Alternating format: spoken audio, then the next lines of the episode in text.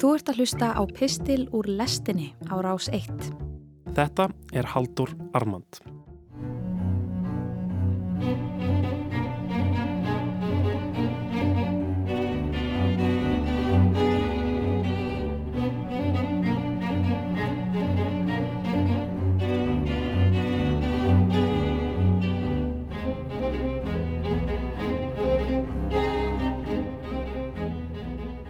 Svarti komedíuþrillerinn Parasite eftir leikstjóran Bong Joon-ho fjallar í stuttu máli um darviníska lífsbaróttu örega í söður Kóregu þar sem þeir reyna að murka lífið hver úr öðrum í kjallara glæsihísis þar sem nýríkir og fáfróðir miljardamæringar búa.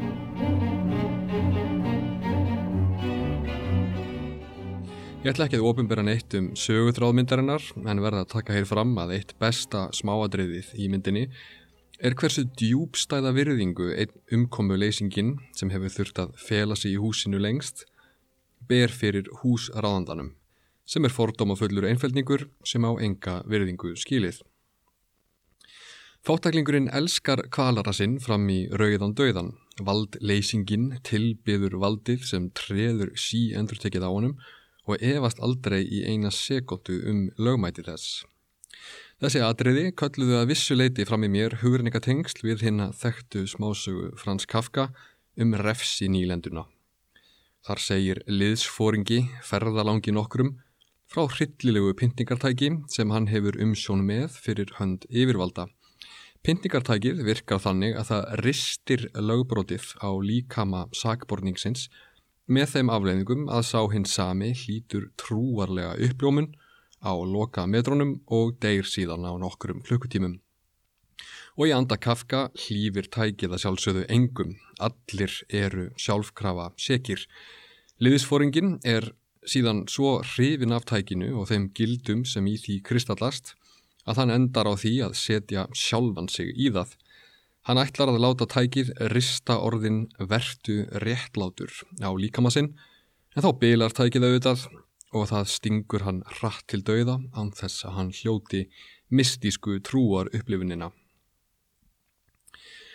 Ég las á netinu um helgina að þingflokksformaður Íslensk stjórnmálaflokks hefði á nýafstöðnu Norðurlandaráðsþingi einhverju sem á dölumóli stjórnmálana kallast samtök um framtíðarlausnir stungið upp á því við forsætisráðra Dana að banna fólki að nota bensín og díselbíla á tíu daga fresti á næsta ári. Til að sína fyrirhyggju og ábyrð ákað ég að kynna mér hvað notaðir rafbílar kosta. Sá ódýrasti sem ég fann á bílasölur.is var gamal golfbíl á sumardekkjum. Sælu brós breyttist yfir ásind mína. Það er svo friðandi og góð tilugsun að vita til þess að svona geti láluna fólk lagt sitt af mörgum í þáu umhverfisins þegar það má ekki lengur keira bensíndrusluna sínar. Það tekur bankalán fyrir notuðum golfbíl og samnýtir hann síðan í kringluna í tólstega frosti meðan norrænir stjórnmálamenn hugsa upp næstu algjörlega lógísku skref í átt plánetu bjargræðis. Likilatriðið er að reyfa ekkert við markaðnum og setja ábyrðina helst að öllu leiti yfir á einstaklinga.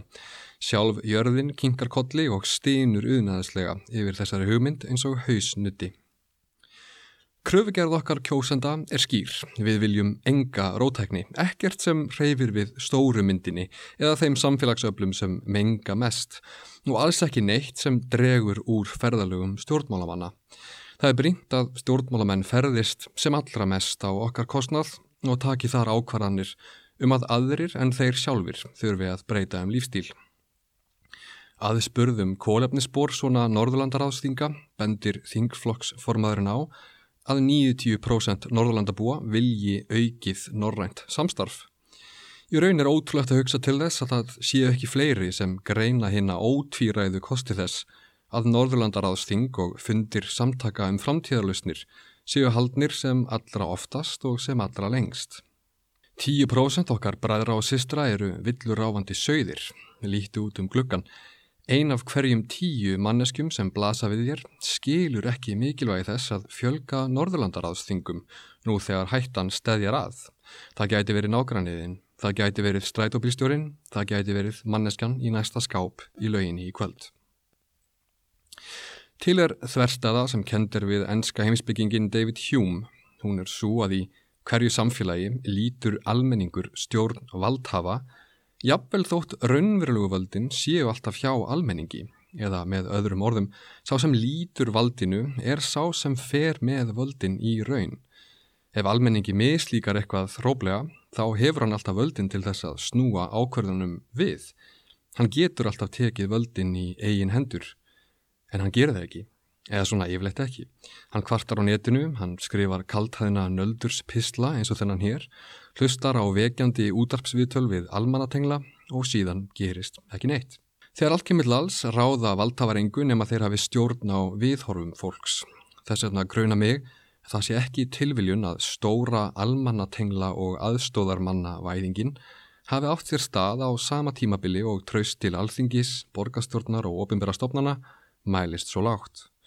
Því ef almenningur samþykir ekki hvernig hlutinir eru gerðir, þá mega valdhafar sín einskis og þurfa að víkja. Þetta er jafnsatt í harstjónaríkjum og þeim sem eru frjáls, sagði Hjúm. Blaðamenn kvarti við því að ná ekki lengur í nokkurt mann heldur lendu þeir alltaf á nýri og nýri almannatengla girðingu.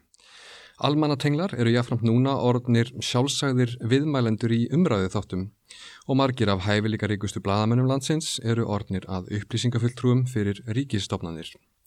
Allt saman bendur þetta til þess að sífelt meira kapp sé að lagt á það að stýra umræðinni með því að kaffæra hana í fróðu.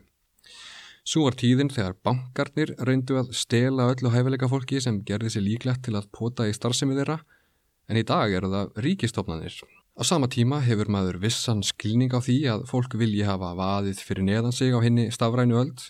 Samskiptamiðlar taka oftar en ekki á sig mynd refsi nýlendunar þar sem sakvellingin er fyrirfram og sjálf gefin. Í slíku ógnar umkörfi er vitaskuld örgast að halda sig bara fjarrri fjölmilum og láta einhvern annan svara í síman. Það meikar sens. Talandi um Kafka-kallin þá er hugtakið mannöld eða anthroposín sem notað er yfir það jarðsögu tímabil sem engjennist af áhrifum manna á jörðina, vandkvæðum bundið, svo ekki sem meira sagt. Það er nefnilega á sinnhátt kafkaist. Það gefur til kynna að mannkinnið í heilsinni beri ábyrða og tortímingu náttúrunar, að við séum öll sjálfgrafa seg og eigum helst að trúa svo heitt á okkar eigin segt að við leggjumst sjálf viljug á pyntingarbekkin eins og liðsfóringin í sögunni. Það er auðvitað ekki rétt. Yfir gnæfandi meiruluti jarðabúa er ekkert sérstaklega upptikinn af því að nýðast á náttúrunni og kemur alls ekkit illa fram við hana, bara alls ekki. Hinn raunverulegi sökudólgur er alþjóðavætt og stjórnlaust efnaðaskerfi, kerfi sem tryggir stöðuleika á einu stað með því að leggja hann í rúst á öðrum, kerfi sem stjórnmálastjettin hefur hlúð vel að og smá saman leist úr einum hlekk af öðrum síðustu áratíi, kerfi sem grundvallast algjörlega á þeirri grundvallarforsendu að náttúran sé ókipis auðlind sem hagnýta eigi eins mikið og hægt er til að skapa takmarkalauðsa virðiskeðju sem aftur leiðir til gengdarlausrar miskiptingar auðs og lífskeiða, darfinískrar lífsbaróttu fátaklinga eins og í Parasite, samþjöppunar fjármags, óendanlegar nýtingar og þar með tortingningar endanlegra náttúruauðlinda, launaþrælkunar, misnótkunar og vinnuafli og svo framvegis. Rótin að þessu öllu saman er svo sama, það sjá það allir sem það vilja sjá og það er ekki mannkinnið innan gæsalappa sem ber ábyrðina heldur áðurnemt kerfi, áðurnemt hugmyndafræði sem þrýfst og starfar algjörlega án síðalögmóla, án heimsmyndar og getur þannig nögra löst aðlaga sig ólíkum samfélögum um víða veröld. Samt ber ekki öðru en að það liggi bara fyrir að við séum öll seg. Það má ekki efast um það Okkur ber að efast um allt nema okkar eigin sekt. Ég fór til dæmis inn á kólefnisreiknir.is til þess að fá niðurstöðum það hvert kólefnissporið mitt síðustu 12 mánuði hefur verið. Það skipti yngu máli hvað ég setti þarna inn, ég var alltaf jafn segur, ég átti alltaf að beigja mig lægra í duftið og hugaði því hvernig ég gæti bætt ráð mitt. Eins og góður vinur komst á orði, þá er þetta púra guðfræði. Óblæsaður liðsfóringin á refsi í nýlendunni.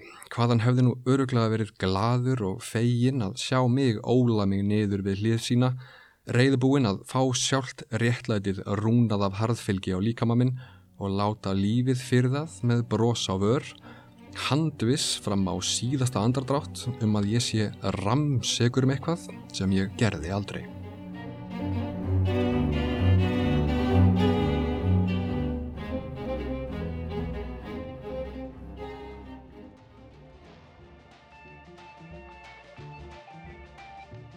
Þú varst að hlusta á Haldur Armand, nýr pistill frá Halduri, hljómar á hverjum þriðu degim í lestinni á rás 1.